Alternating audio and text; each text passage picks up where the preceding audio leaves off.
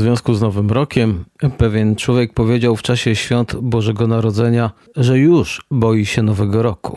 Dodał, święta jeszcze się nie skończyły, a już mam około 90 dni do przodu z moimi kaloriami i 90 dni do tyłu z moimi rachunkami. A teraz e, chcielibyśmy przeczytać fragment z Księgi Liczb, 11 rozdział, pierwszy i drugi werset. Lecz lud zaczął szemrać przeciwko Panu, narzekając, że jest mu źle. Gdy to usłyszał Pan, zapłonął gniewem. Zapalił się przeciw nim ogień Pana i zniszczył ostatnią część obozu. Lud wołał do Mojżesza, a on wstawił się do Pana i wygasł ogień. Rok za nami. I mam takie pytanie, bo to zawsze sprzyja refleksji, czy ktoś podczas niego narzekał, że jest mu źle? Że ludzie wokół są źli, że rząd jest zły, że praca słaba, no i teściowa mnie za często odwiedzała. Albo jakieś inne jeszcze powody, które mieliście. Idzie nowy rok i pod względem ekonomicznym wcale nie zapowiada się lepiej, a wręcz już wiemy, że będzie gorzej. Rozpoczynamy ten nowy rok epidemią grypy, RSV i wciąż również koronawirusa. Będą też wybory. A wiecie, co w Polsce się dzieje, kiedy są blisko wybory? Będzie gorąca atmosfera, będzie dużo miłości, będzie dużo życzliwości. Czy w tym, co do tej pory wymieniłem, znajdziesz jakiś temat, aby ponarzekać? Zapewne jeszcze jakiś swój masz w zanadrzu, tak więc nie ma co się martwić, że nie znajdą się tematy do narzekania. Narzekanie to czynność, w której wszyscy uczestniczymy w takim czy w innym czasie. Większość z nas narzeka nawet o tym nie myśląc. Wyrażanie niezadowolenia, gdy sprawy nie układają się po naszej myśli, tak jakbyśmy tego nie chcieli, wydaje się takie naturalne. Niektórzy mówią, że narzekanie to jest taka narodowa rozrywka. Wszyscy w tym uczestniczą. Wydaje się też, że większość wiadomości w telewizji poświęcona jest tematom, gdzie można tylko narzekać. Ale nie wiem, czy zauważyliście, przynajmniej te, które ja oglądam, one bardzo często kończą się jakąś pozytywną historią. I tak sobie myślę, że może celem tego jest to, żeby uniknąć depresji spowodowanej wszystkimi negatywnymi wiadomościami, tak żeby telewizor znowu jeszcze wrócił i chciał to oglądać, a nie wyrzucił telewizor przez okno. Czy Biblia mówi nam coś na temat narzekania? Patrząc po niektórych chrześcijanach, można byłoby dojść do wniosku, że nic a nic. Po prostu przemilczała sprawę. Ale tak, mówi. Pismo Święte mówi nam nie tylko o tym, na co ludzie narzekają, ale także o tym, jak to wpływa na innych i jak Bóg na to reaguje. A możemy my nie traktować poważnie naszych narzekań, ale Pan Bóg już je traktuje poważnie. Rozdział 11 Księgi Liczb daje nam pewne wyobrażenie o tym, jak poważnym jest to problemem, że narzekanie jest to jednak grzech.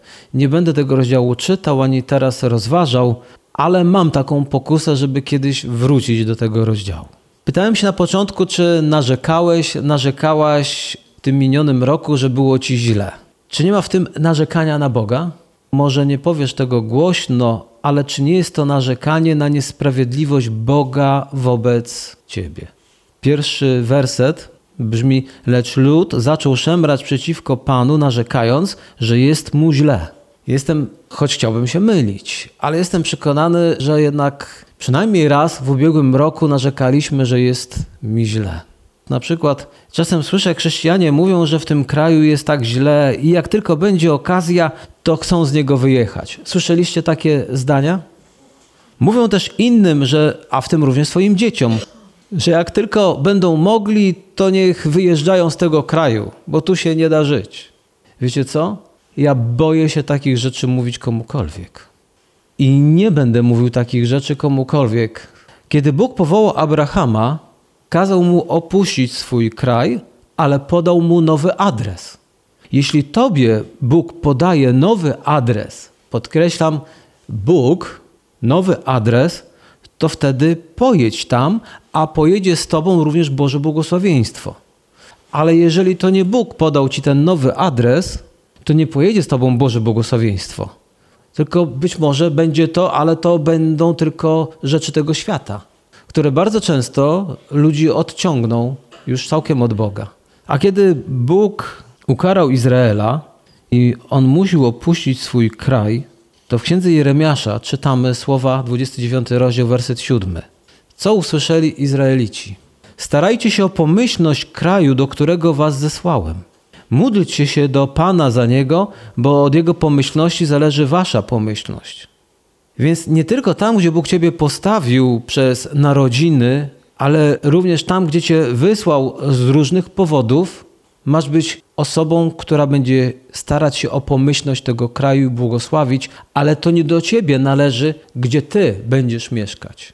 Mieszkamy tam, gdzie Bóg nas postawił i mamy polecenie, aby modlić się o pomyślność tego kraju, aby robić wszystko dla pomyślności tego kraju, a tak naprawdę my już wiemy, aby tam dzielić się Ewangelią, bo Bóg powiedział: idźcie na cały świat i głoście Ewangelię. I tu nas postawił, tu się nawróciliśmy. Jeżeli nam powie, że mamy gdzieś pojechać, aby być błogosławieństwem w innych rejonach, to jedziemy. I wtedy nie narzekamy, a także nie patrzymy na to, jakie będą tam zarobki. Ale to jest moje zrozumienie, można się z tym nie zgodzić. Może ktoś po prostu ma inne kryteria. Moim kryterium jest jedno: gdzie Bóg postawił mnie, tam mam robić, co do mnie należy i nie narzekać, że jest źle. I w tym nowym roku pragnę zachęcić Ciebie i siebie do praktykowania właśnie czegoś odmiennego niż narzekanie. Pierwszy list do Tesaloniczan, piąty rozdział, osiemnasty werset. Za wszystko dziękujcie, taka jest bowiem wola Boża w Chrystusie Jezusie względem Was. To jest coś odmiennego niż za wszystko narzekajcie, albo na wszystko narzekajcie.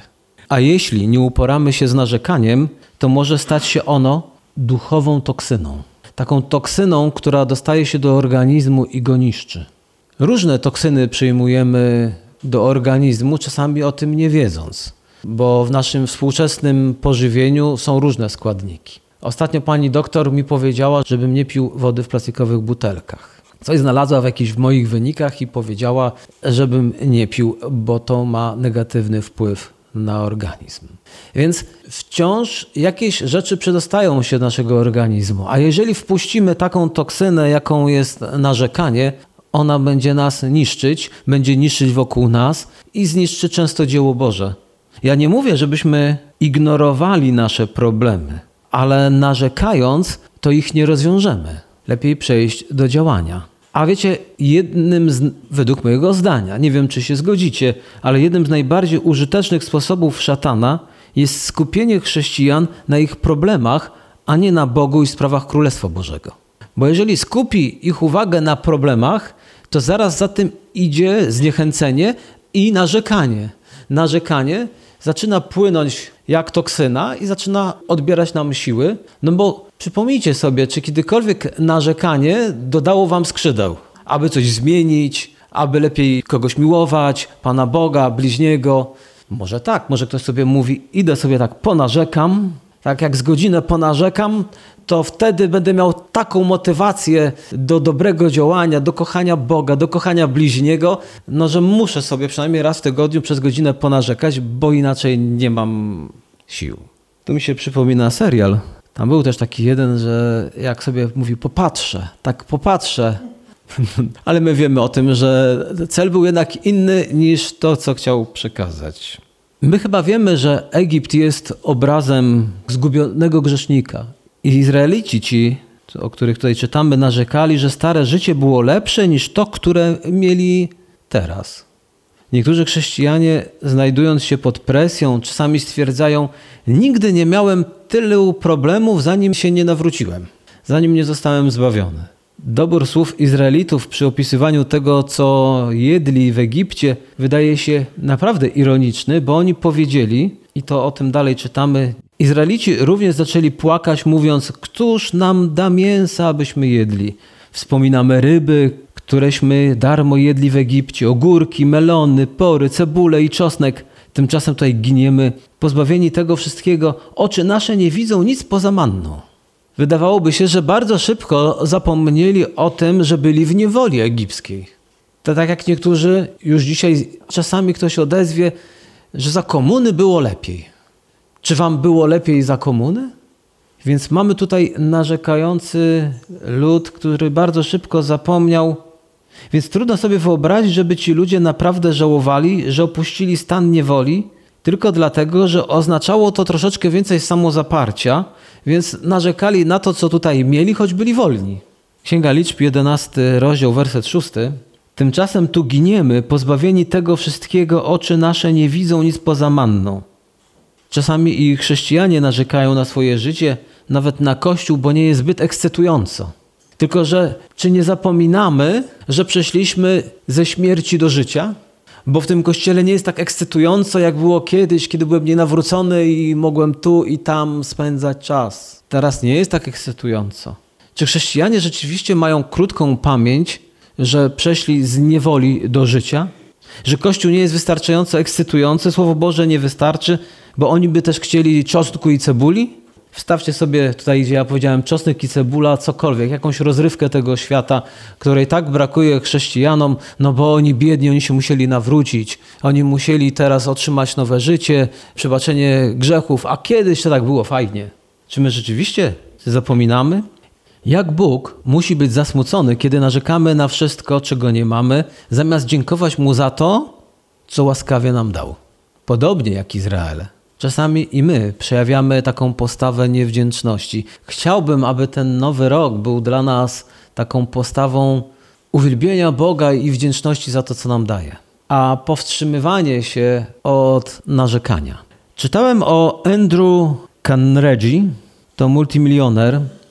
Zostawił milion dolarów jednemu ze swoich krewnych, który w zamian przeklął Carniego, ponieważ zostawił mu tylko milion dolarów, a 365 milionów dolarów przeznaczył na cele charytatywne, można ponarzekać. Kiedyś może jeszcze wspomnę o tym człowieku, bo jeszcze coś ciekawego, albo już wspomnę taką dygresją. Ufundował ponad 2000 bibliotek, bo stwierdził, on żył oczywiście jakiś ładny czas temu. Dzisiaj te pieniądze byłyby warte pewnie znacznie, znacznie więcej. Niektórzy uważali, że on był w tamtych czasach najbogatszym człowiekiem. Ale ufundował biblioteki, bo stwierdził, że rozdanie pieniędzy jest bez sensu ludziom tak. Ale jak się im pomoże w wykształceniu, to będzie to lepsza inwestycja. To była dygresja. Samuel Lejbowicz, prawnik i sędzia w sprawach karnych, uratował 78 mężczyzn przed krzesłem elektrycznym. I ponoć nikt nigdy nie raczył mu za to podziękować. I wiele takich historii zapewne znamy, że o wdzięczności zapominamy. Pewien kaznodzieja w kazaniu opowiada legendę. Wiele lat temu pewien pobożny król był zaniepokojony niewdzięcznością swojego królewskiego dworu. Przygotował dla niego wielką ucztę. Kiedy król i jego królewscy goście usiedli, zgodnie z wcześniejszymi ustaleniami, żebrak wszedł do sali, usiadł przy królewskim stole i nasycił się podawanym tam jedzeniem. Po czym bez słowa wyszedł z sali. Goście byli wściekli i prosili o pozwolenie schwytania tego włóczęgi i rozszarpania go na strzępy za jego niewdzięczność. Król się odezwał i odpowiedział: Ten żebrak zrobił to tylko raz ziemskiemu królowi. To, co wy robicie trzy razy dziennie Bogu. Siedzisz przy stole i jesz, aż będziesz zadowolony. Potem odchodzisz, nie dostrzegając Boga i nie wypowiadając ani jednego słowa wdzięczności, powiedział. Niewdzięczność jest oznaką duchowej niedojrzałości. Biblia wspomina o pewnych chrześcijanach, że powinni już innych wspierać w rozwoju duchowym, a sami wciąż potrzebują mleka. To znaczy, że wciąż postępują jak niemowlęta, dzieci, którymi trzeba się opiekować, a niemowlęta nie doceniają tego, co robią dla nich rodzice. Przyszła mama z dzieckiem ze szpitala i dziecko już tam urosło, no już nie powiem, już ma miesiąc i matka mówi do ojca tego dziecka, do męża: Zobacz, jakie to dziecko jest niewdzięczne. Nie dosypiam, karmię je, a ono ani razu nie powiedziało: Dziękuję ci, mamusiu. Jakiego my mamy niewdzięcznego syna. Nikt się temu nie dziwi, że tak nie ma. Więc jest to oznaką niemowlęctwa. Jest to oznaką niedojrzałości, kiedy chrześcijanie nie okazują wdzięczności Bogu. Mają krótką pamięć niemowlęta mają krótką pamięć, bo ich zmartwieniem nie jest to, mówię te duchowe na niemowlęta, które dzisiaj żyją, często siedzą w ławkach, bo ich zmartwieniem nie jest to, co zrobiłeś dla niego wczoraj, albo to, co robisz dla niego nawet dzisiaj. Dla niego to wszystko jest bez znaczenia, co ty robisz. Ważne, żeby on to wszystko miał. A dojrzali ludzie doceniają bardzo tych, którzy pracowali na ich dobro, na ich błogosławieństwo w przeszłości. Uznają również tych, którzy pracują obecnie i również doceniają tych, którzy pracują na ich przyszłość. I chcę jeszcze wspomnieć o tym, że narzekanie jest zaraźliwe. W nowym roku, jak już powiedziałem, szaleje grypa, RSV, koronawirus, ale są jeszcze inne zakaźne choroby i do nich również zaliczam narzekanie. Czytamy, że Izraelici zaczęli płakać, mówiąc: Któż nam da mięsa, abyśmy jedli? Ktoś zaczął narzekać, bo nie sądzę, żeby wszyscy naraz wybuchnęli narzekaniem. Ktoś zaczął narzekać, ktoś to podłapał, bo się podzielił z nim, pogadali, potem poszli do innych, pogadali, a potem już czytamy, że była tego była znaczna grupa. Jak już przeczytacie sobie, to się dowiecie, że nawet Mojżesz, kiedy już poszedł do Boga, zrobił to już trochę w lepszej atmosferze i w lepszy sposób, bo przyszedł do Boga i zaczął się mu żalić na tą sytuację. On już rozkładał ręce, ten naród. Tak się rozeszła ta choroba narzekania. Wiedz, że ludzie narzekając na innych, w tym na przywódców, a nic nie robiąc, aby ich wesprzeć, potrafią zniechęcić innych do tego, aby coś robili, a nawet samych przywódców, żeby w ogóle się starali, bo oni mówią: Staram się, staram, nikt tego nie docenia. Mało tego, jeszcze mi rzucają kłody pod nogi, to pójdę zająć się czymś innym. I wielu ludzi odchodzi od rzeczy, które naprawdę robią dobrze i dobrze, że robią, ale mówią: Będzie mi lepiej gdzieś indziej. Znam dyrektora medycznego, który powiedział, że chce jak najszybciej przestać być dyrektorem, dlatego że roboty mnóstwo, pieniądze są wprawdzie większe, ale roboty tak dużo i tyle utrapienia, że on już woli mieć mniej pieniędzy i być zwykłym pracownikiem. Że samo docenienie finansowo nie zadowala go. Niech jedna osoba zacznie narzekać na innych, na politykę albo na to, że coś jest nie tak z kościołem lub kaznodzieją, to co się dzieje? Wkrótce przyłączają się kolejni. To widać w serwisach społecznościowych. Jak ktoś jeden założy jakąś grupę o charakterze narzekającym, a jest ich bardzo dużo tych grup, a nawet jeżeli ktoś założy grupę o niecharakterze narzekającym, to zaraz pojawią się narzekający i próbują przekształcić całą grupę w grupę którą można byłoby spokojnie nazwać narzekających, tylko kwestia tematyki. Narzekających na Kościół, narzekających na politykę, narzekających na coś tam jeszcze innego. Więc narzekanie jest zaraźliwe. Niech ten najbliższy rok będzie lepszy w tym, że będziemy mieli więcej wdzięczności dla Boga za to, kim On jest i za to, co nam daje i za to również, co nam dał. Na koniec chciałbym powiedzieć Wam, co znalazłem w pewnym mailu od człowieka, nazywa się Brown, to z grudnia 2000 roku. I on napisał: Czy to nie dziwne, jak my, chrześcijanie, możemy narzekać na wiele rzeczy, jak to Bóg się o nas nie troszczy, kiedy zrobił dla nas tak wiele, by pokazać nam, że jest inaczej? A ktoś jeszcze napisał: Gdyby Bóg miał lodówkę, Twoje zdjęcie byłoby na niej. Gdyby miał portfel, byłoby w nim Twoje zdjęcie. Przysyła Ci kwiaty każdej wiosny i każdego ranka wschód słońca. Kiedykolwiek będziesz chciał, chciała mówić, On cię wysłucha. Mógł mieszkać w dowolnym miejscu we wszechświecie, a wybrał twoje serce. A co z prezentem bożonarodzeniowym, który zesłał ci w Betlejem? Nie mówiąc już o tym piątku na Kalwarii. Pomyśl o tym. Amen. Powstańmy. Wspaniała okazja okazywać Bogu już teraz wdzięczność. Więc jeżeli coś ci przyjdzie do głowy, to możemy już zacząć nowy rok z wdzięcznością na ustach. A tak jak powiedziałem, są problemy i one będą. I nie chodzi o to, że mamy zaklinać rzeczywistość, bo niektórzy chrześcijanie rzeczywiście tak by chcieli. Ci z skrajnego myślenia o pozytywnym wyznawaniu. Nie mów, że deszcz pada, bo jak przestaniesz mówić, że deszcz pada, to co? To deszcz przestanie padać? Albo nie mów, że jesteś chory, mów, że jesteś zdrowy. To przepraszam, pomódlcie się, bo jestem zdrowy. Mam zdrowy łokieć i pomódlcie się. Więc są wariaci. Nie o to mi chodziło, ale na pewno myślę, że jesteśmy w tym miejscu, gdzie wiemy o co chodzi. Będzie trudno. Szukajmy po prostu rozwiązań. To, że do kogoś pójdziemy i przedstawiamy sytuację, bo szukamy pomocy, to nie jest narzekanie. A jeszcze też powiem, przed Bogiem możemy wylewać swoje serce, ale nie w formie narzekania. Boże, dlaczego mnie skazałeś mieszkaniem w Polsce? Gdybym mieszkał w Danii, Boże, za co ten kara?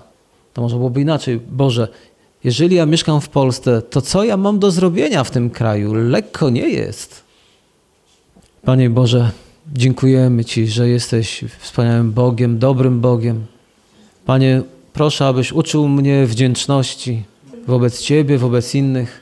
Panie, aby w tym roku było jej znacznie więcej. I abym umiał, Panie, dziękować Tobie i innym. Naucz mnie tego, Panie, jeszcze bardziej. I naucz mnie dostrzegać, za co możemy Ci być wdzięczni. Pokazuj nam, Panie, każdego dnia. Tak, aby wciąż w naszych umysłach, sercach i na ustach była wdzięczność. Daj nam, Panie, zdrowia, abyśmy wirusa niewdzięczności nie rozsiewali. Abyśmy nie byli nosicielami tego, co tak rujnuje społeczeństwo i wszystkich wokół. Abyśmy mówili to, co buduje, to, co wzmacnia, to, co wspiera. Abyśmy szukali dobra, Twojego, Panie, dobra.